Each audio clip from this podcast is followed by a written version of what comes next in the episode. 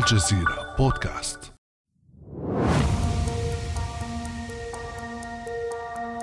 إنه التاسع من يونيو حزيران من العام 1987 يدخل السيناتور الديمقراطي جوزيف بايدن ذو الرابعة والأربعين عاماً سباق الرئاسة الأمريكي لأول مرة. ويستهل حملته الانتخابية التي لم تدم سوى ثلاثة أشهر. رحبوا معي بأصغر مرشحي الرئاسة وأكثرهم إثارة السيناتور جو بايدن. كان ذلك قبل 33 عاما وكانت تلك المرة الأولى التي يترشح فيها بايدن عن الحزب الديمقراطي. لم تعمر تلك الحملة الانتخابية سوى ثلاثة أشهر انسحب بعدها جو بايدن من سباق الرئاسة. لكنه عاد بعد عشرين عاما إلى حلبة السباق الانتخابي.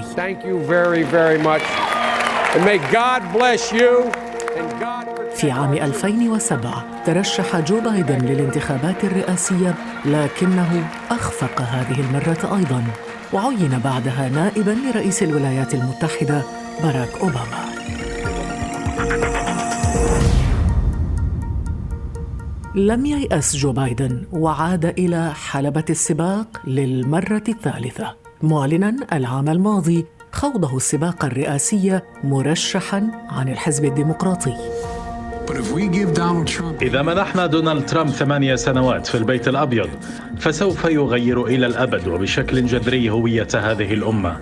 لا يمكننا الوقوف متفرجا ومشاهدة ذلك يحدث. لهذا أعلن اليوم ترشحي لمنصب رئيس الولايات المتحدة. اليوم وقد اقترب موعد الحسم. هل سيتمكن مرشح الديمقراطيين جو بايدن من اجتياز آخر خطوة له نحو البيت الأبيض؟ بعد أمس من الجزيرة بودكاست. أنا خديجة بن جنة.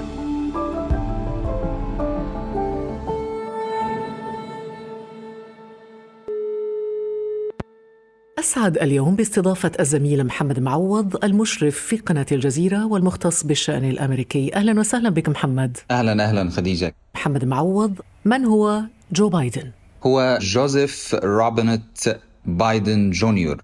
ابن من بين ثلاثة أبناء في أسرة من الطبقة المتوسطة. كانت تعيش في سكرانتون بولاية بنسلفانيا. أب كان تاجرا خسر كل ما يملك فجأة وانتقل بعدها إلى ويلمنغتون ديلاوير حيث حصل على وظيفة بائع للسيارات.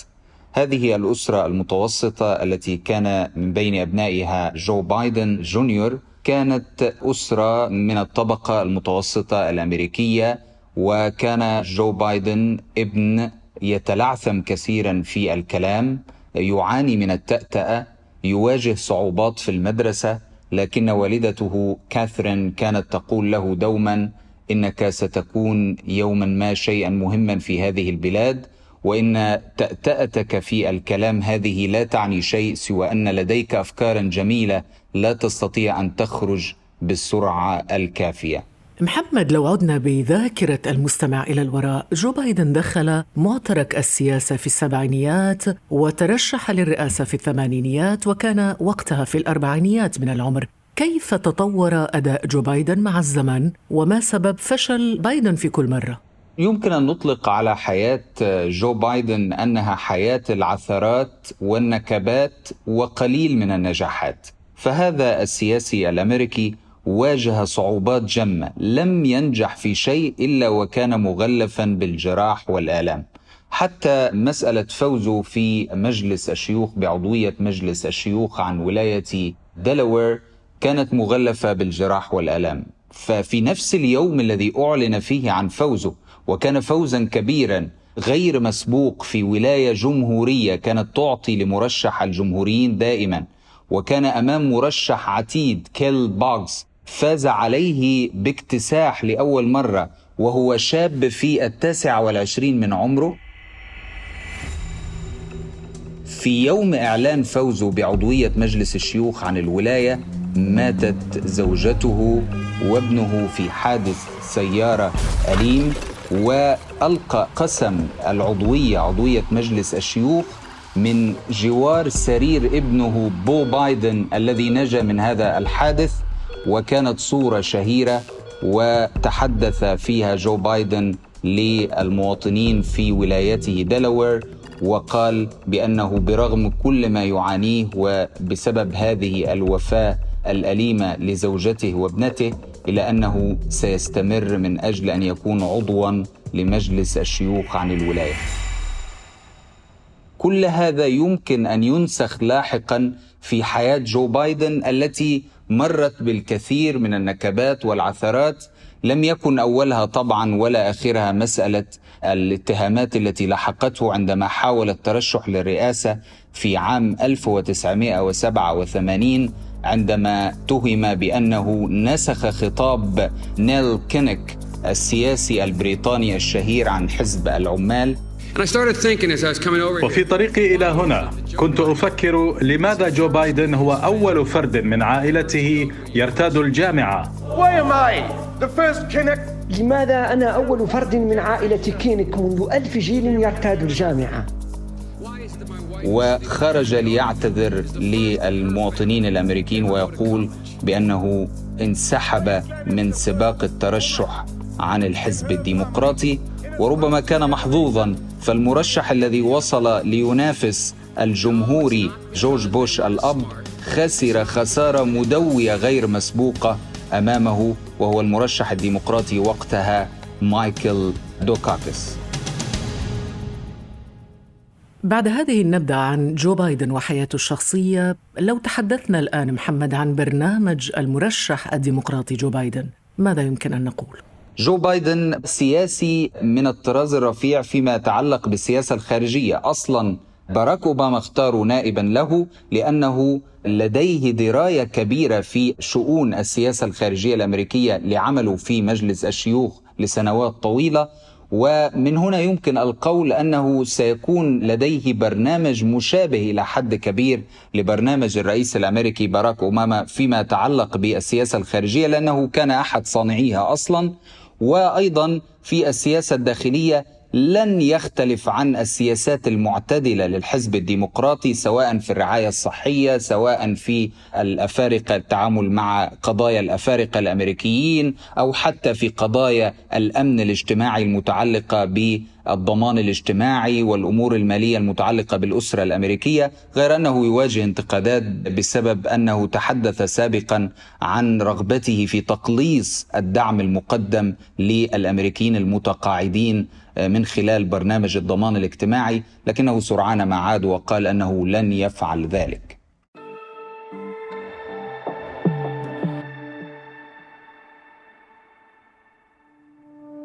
ابدأ بالاستماع الآن ولا تنسى تفعيل زر الاشتراك الموجود في تطبيقك لتصلك حلقاتنا اليومية فور صدورها. ابقى على تواصل مستمر مع الجزيرة بودكاست عبر صفحاتنا على فيسبوك، تويتر وإنستغرام.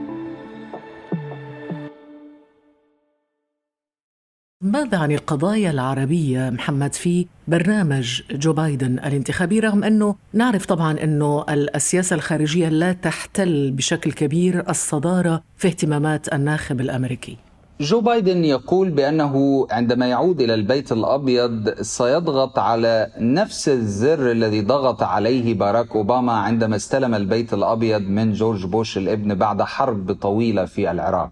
هو زر الريست أو إعادة التموضع.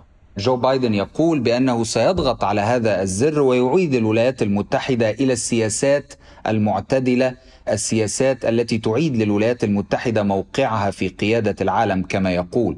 هو يقول بأنه سيعود إلى الشرق الأوسط من أجل أن يعيد النظام فيه بعد هذه الفوضى والفراغ الذي خلفه غياب الدور الأمريكي. قبل أيام فقط اصدرت حملة جو بايدن ما يطلق عليه برنامجها للتعامل مع العرب الأمريكيين. وذكرت في أحد بنود هذا البرنامج أن جو بايدن لن يقف مكتوف الأيدي أمام الدكتاتوريين في العالم وأنه سيدعم تطلعات الشعوب خاصة الشعوب في الشرق الأوسط والشعوب العربية بما أنه هنا يخاطب العرب الأمريكيين من أجل أن يحصلوا على الحرية والديمقراطية التي يطالبون بها. ومن ثم يمكن القول أننا أمام إعادة إنتاج لسياسات باراك أوباما الخارجية بصورة كبيرة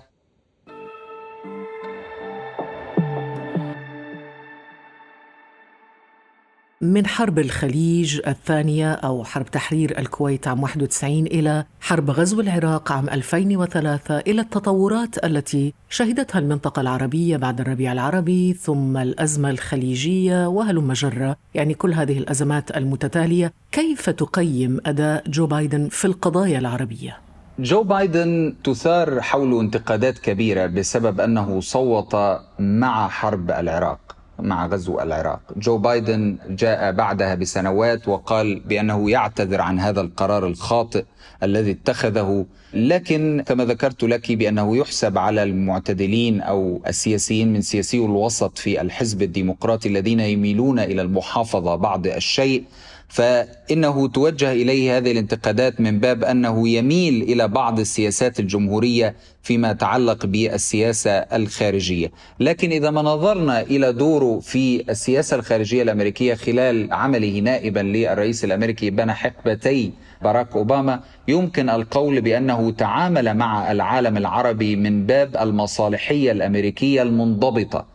هكذا يطلق عليها وهي أن مصلحة الولايات المتحدة اولا قبل كل شيء في التعامل مع أي نزاع في الشرق الأوسط لكن أيضا يجب الاهتمام بصورة الولايات المتحدة أمام هذه الشعوب باعتبار أن الولايات المتحدة تقود بالنموذج ومن ثم لا يمكن الجنوح إلى الانتهازية السياسية بشكل كبير في التعامل مع هذه القضايا. ولهذا إذا ما أخذنا مثلا الأزمة الخارجية أزمة مقتل خاشقجي وغيرها من الأزمات التي مرت جو بايدن كانت مواقفه واضحة فيها بأن الولايات المتحدة لا يمكن أن تصمت على الأعمال العدائية القتل خارج القانون لا يمكن أن تصمت عن هذه الأمور يمكن أن تنكرها وترفضها في العلن وتضغط من أجل محاسبة المسؤولين عنها Khashoggi was in fact murdered and dismembered. خاشقجي قتل وقطعت أوصاله وأعتقد أنه تم بأمر من ولي العهد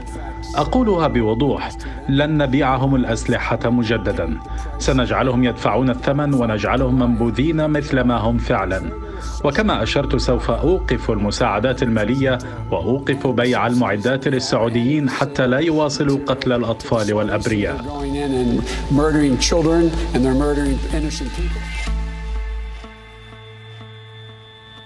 هل يمكن أن ينفذ فعلا ما قاله إذا فاز هذه المرة؟ أعتقد أنه قد ينفذ ما قالوا إلى حد كبير فالديمقراطيون جميعهم في مجلس الشيوخ والسياسيين الديمقراطيين يتوعدون السعودية بسياسات متشددة بسبب ممارسات السلطات السعودية في حقبة الرئيس الأمريكي دونالد ترامب. لكن جو بايدن يمكنه أن يوقف بيع السلاح بشكل محدود إلى المملكة العربية السعودية يمكنه أن يتخذ مجموعة من الخطوات واعتقد أن هذا يتماشى مع مزاج عام في الكونغرس ولن يجد معارضة كبيرة على دفتي الكونغرس في الحزبين الجمهوري والديمقراطي ماذا عن إيران محمد؟ هل من إمكانية لاستعادة أو إعادة إحياء الاتفاق النووي مع إيران؟ هو وعد بذلك خديجة قال بأنه سيعيد الولايات المتحدة إلى الالتزام بالاتفاق النووي فورا بعد وصوله إلى البيت الأبيض وهذا يتماشى مع ما قاله سابقا من سياسة إعادة التموضع ويريد أن يعيد الولايات المتحدة بالكامل في جميع توجهاتها الخارجية إلى حقبة الرئيس الأمريكي باراك أوباما ويريد أن يعيد مرة أخرى صياغة علاقتها بالعالم التي يقول إنها تدهورت مع الحلفاء في أوروبا وفي الشرق الأوسط وأيضا في التعاطي مع النزاعات في هذه المنطقة. على صعيد القضية الفلسطينية محمد طبعا القضية شهدت تراجعا كبيرا في عهد الرئيس دونالد ترامب هل هناك فرق بين ترامب وجو بايدن في سياسة الولايات المتحدة تجاه الفلسطينيين والعلاقة مع إسرائيل؟ لن يكون هناك هذا الفارق الكبير بالنظر إلى أن الخطوات التي اتخذها الرئيس الأمريكي دونالد ترامب خاصة هذه الاتفاقية التي وقعت مؤخرا بين الإمارات وإسرائيل لم تجد أصلا أي معارضة من قبل الديمقراطيين. جو بايدن نفسه ثمنها كثيرا. كل الخطوات التي تتخذ في هذا الملف ليس عليها خلاف بين الحزبين لكن ما عدا فكرة نقل السفارة الأمريكية من تل أبيب إلى القدس هذه مثار معارضة بين الحزبين. الحزب الديمقراطي يرفض هذا التوجه على اعتبار أن هذا التوجه يؤدي إلى القضاء عمليا على حل الدولتين، لكن في العموم اللوبي اليهودي في الولايات المتحدة لديه نفوذ وكلمة مع الحزبين، ولا يمكن تصور أن الحزب الديمقراطي ومرشحه للرئاسة جو بايدن يمكن أن يغير بالكامل سياسات الولايات المتحدة تجاه إسرائيل. اذا لا يمكن أن نقول أن هناك اختلاف كبير بين بايدن وترامب على هذا الصعيد. هذا صحيح خديجة فستكون سياسة بايدن أكثر اعتدالا وتمسكا بدعم حل الدولتين لكن ستدعم أي خطوات باتجاه التطبيع باتجاه توقيع اتفاقات بين إسرائيل وجيرانها العرب لأن هذه السياسة مدعومة داخل الكونغرس مدعومة من اللوبي اليهودي في الولايات المتحدة الذي يملك كلمة مع الحزبين ويملك كلمة في الكونغرس. محمد ما هي حظوظ جو بايدن بالفوز هذه المرة؟ إذا ما نظرنا إلى استطلاعات الرأي فسنقول بأن حظوظه كبيرة. هو متقدم بأكثر من أربعة نقاط على دونالد ترامب في آخر استطلاعات الرأي حتى بعد مؤتمر الحزب الجمهوري الذي منح الرئيس الأمريكي دونالد ترامب منصة لمدة أيام عدة تحدث فيها إلى الشعب الأمريكي. لكن لا يمكن التعويل بصورة كبيرة على استطلاعات الرأي بالنظر إلى ما جرى في انتخابات العام 2016 بين دونالد ترامب وهيلاري كلينتون. ولكن بالنظر إلى الواقع في الولايات المتحدة يمكن أن نقول أن حظوظ بايدن موجودة خاصة أنه ينتمي للطبقة المتوسطة أنه محبوب في بنسلفانيا وهي أحد الولايات التي يعزى إليها حسم هذا السباق بصورة كبيرة هذه المرة وأيضا في ولاية ويسكونسن التي يكثف فيها حملاته بصورة كبيرة أي يمكن أن نقول باختصار أن هناك ولايات متأرجحة جو بايدن حظوظه وشعبيته فيها كبيرة ومن ثم يمكنه أن يحسم هذا السباق لكن لا ننسى أن الرئيس الأمريكي دونالد ترامب شعبيته قائمة في الولايات المتحدة بصورة كبيرة أيضا ما زال مؤيدوه على تأييده مع آخر استطلاعات للرأي تخرج من استطلاع رأي مؤيديه وهذا برغم كل هذه الجوائح والأزمات التي مرت بها الولايات المتحدة ومن ثم يمكن القول أن الأمر وين وين سيتويشن أو أن الأمر 50 50 أو هناك نسبة متقاربة كبيرة بين الاثنين في هذا السباق المحموم. الزميل محمد معوض مشرف الأخبار في قناة الجزيرة والمختص بالشأن الأمريكي. ألف شكر لك محمد. شكرا جزيلا لك. شكرا جزيلا أستاذ خيجة كان هذا بعد أمس.